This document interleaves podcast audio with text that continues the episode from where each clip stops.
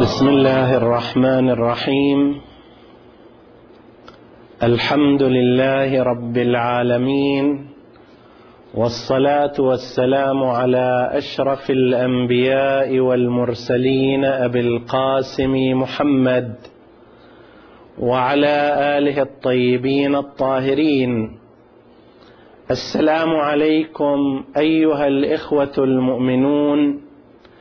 أيتها الأخوات المؤمنات ورحمة الله وبركاته. حديثنا يتناول غايات الدعاء وفوائده. لا شك أن ذلك التأكيد الذي نقلنا جانبا منه من القرآن الكريم ومن أحاديث المعصومين على الدعاء. لا شك أنه يستبطن وجود غايات مهمة وفوائد كثيرة في هذا الدعاء وإلا لما كان ذلك التركيز والتأكيد عليه. وقد لا نستطيع في هذا الوقت المختصر أن نتعرض إلى كل الفوائد وجميع الغايات التي يتعقبها الدعاء ولكننا نشير إلى عدد منها على سبيل الإيجاز والاختصار. فمن الغايات ما هي غاية معرفية؟ الدعاء يعد أحد مصادر المعرفة الدينية المهمة بالنسبة للإنسان المؤمن فإن المعرفة الدينية تارة تؤخذ من القرآن الكريم. وهو أعلى المصادر وأسماها.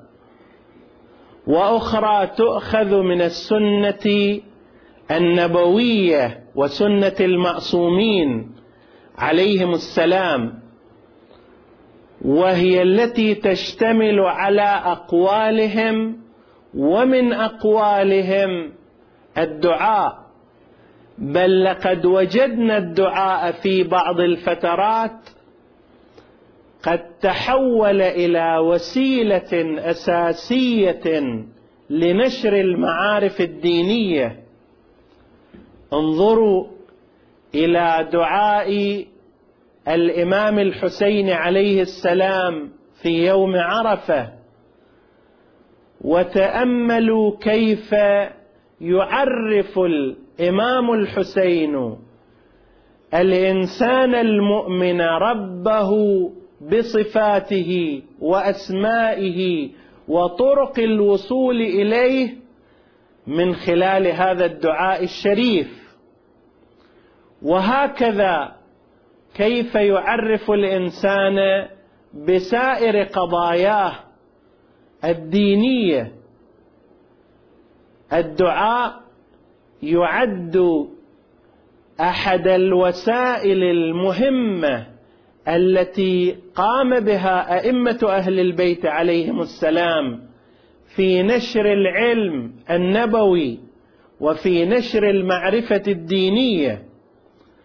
ولهذا كما سيأتي الحديث بعد إذن ينبغي أن ينظر إلى الدعاء وأن يقرأ بنظرة تأملية تدبرية وأن لا يكتفى بالقراءة اللفظية التعبدية. هذه غاية. هناك غاية أخرى وهي غاية تربوية عبادية. الدعاء يجعل الإنسان في موقف يحقق فيه تمام عبوديته لله تعالى.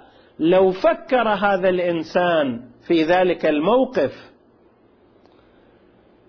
الدعاء يجلس الإنسان على منصة الاعتراف ويجعله يحاكم نفسه يجعله يخاطب ربه مستعطفا متذللا متخضعا ويقارن بين موقفه وموقف ربه.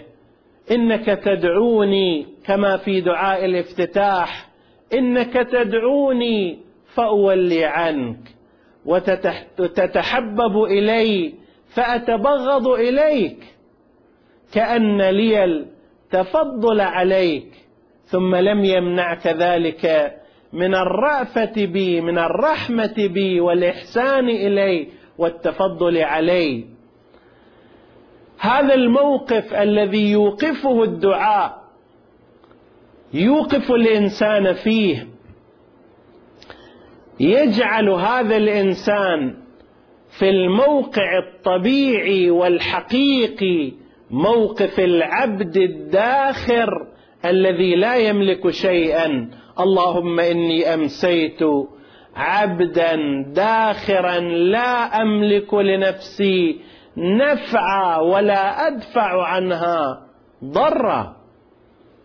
اللهم إن تشأ تعف عنا فبفضلك وإن تشأ تعذبنا فبعدلك فسهل لنا عفوك بمنك وأجرنا من عذابك بتجاوزك. هذه الجمل من الأدعية وكثير غيرها. توقف الإنسان موقف الاعتراف تحقق له العبودية الكاملة ولهذا كان الدعاء كما في الرواية مخ العبادة أصل العبادة جوهر العبادة.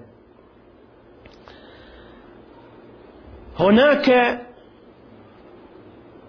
جانب نفسي يحققه الدعاء وهو أنه يكون بمثابة تفريغ للشحنات السلبية التي تكون في داخل النفس. إن الإنسان لتحدق به في حياته الكثير من المشاكل والأزمات والمصائب. فيكاد يخرج من طوره وربما يفقد عقله يتحول إلى بالون منتفخ بالمشاكل والهموم والشحنات السلبية والأزمات النفسية.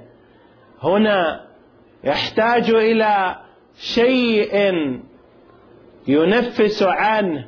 يفرج عنه يخرج هذا الاحتقان الدعاء. يمثل ذلك المنفس. يمثل ذلك الفضاء الواسع الذي يشرح صدر الإنسان والذي يخفف عنه كل ذلك الضغط كل ذلك الضغط والمشاكل. ألا نجد نبيا من أنبياء الله العظام يعقوب عندما غيب عنه ابنه واشتعل رأسه شيبا وابيضت عيناه من الحزن وجد الدعاء طريقا إليه ووجد بثه إلى الله سبيلا لتخفيف ألمه وحزنه. قال إنما أشكو بثي وحزني إلى الله. إذا أحدقت بك الهموم أحاطت بك المشاكل باب الله مفتوح توجه إليه. ألق ذات صدرك بين يديه. أخرج ما في قلبك إلى ربك. تخفف من هذا الحمل. واطلب من الله العون واسأل الله المساعدة تجد الله عندك قريبا. الدعاء غاية من غاياته تعريف الإنسان بحاجاته. حاجات الإنسان ما هي؟ كثير من الناس في هذه الدنيا يخطئون حاجاتهم الحقيقية فيسعون عمرهم ويكدحون حياتهم لتحقيق أشياء ليست هي الحاجة الحقيقية. حتى إذا فني عمرهم وانتهت حياتهم ووصلوا إلى ذلك المطلب وإلى تلك الحاجة التي ظنوها هي الهدف. وجدوا السراب حتى إذا جاءه لم يجده شيئا. سراب كان يسعى خلفه وألوان لا تلبث أن تتقشع لكن انتهى عمره في السعي لها وفي البحث عنها. الدعاء يعين للإنسان حاجاته.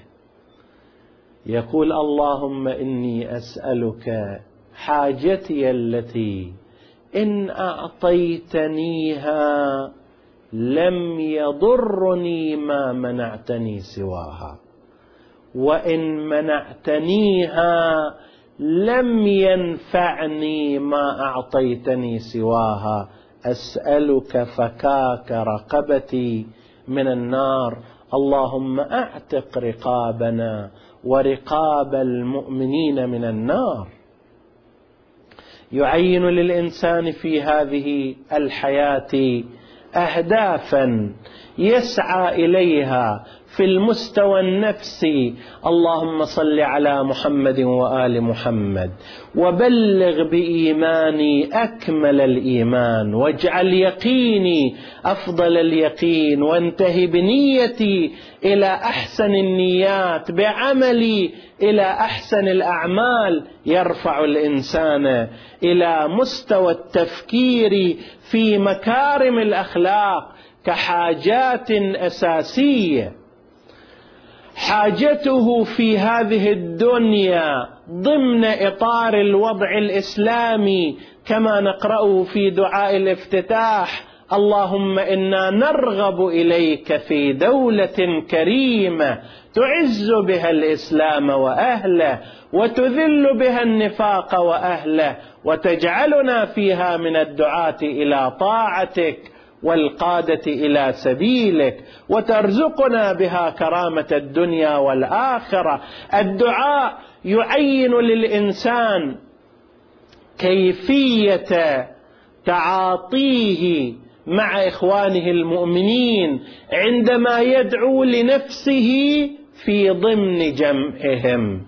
في ضمن المجموع اللهم برحمتك في الصالحين. فأدخلنا هذا دعاء للمجموع اولا وللإنسان في ضمن المجموع والدعاء للآخرين الدعاء لغير الذات قيمة أخلاقية عالية. اذا الدعاء له غايات متعددة تارة تلك الغاية تحقق عبودية الإنسان تجاه ربه. أخرى تعرف الإنسان ربه ونبيه ووليه كما في دعاء الافتتاح ومبدأه ومنتهاه اخرته وطريقة الوصول ما بين المبدأ والمنتهى كما في مكارم الأخلاق. وأيضا الدعاء يحقق للإنسان فضاء من الانشراح يحقق للإنسان منفسا من الهموم يطرح فيه الإنسان عن كاهله وعاتقه كل هم وأذى. الدعاء أخيرا يعرف الإنسان بحاجاته الحقيقية لكي يكدح من أجلها ويسعى إليها. نسأل الله سبحانه وتعالى أن ينفعنا بدعائنا وأن يستجيب لنا ذلك. إنه على كل شيء قدير. وصلى الله على محمد وآله الطاهرين.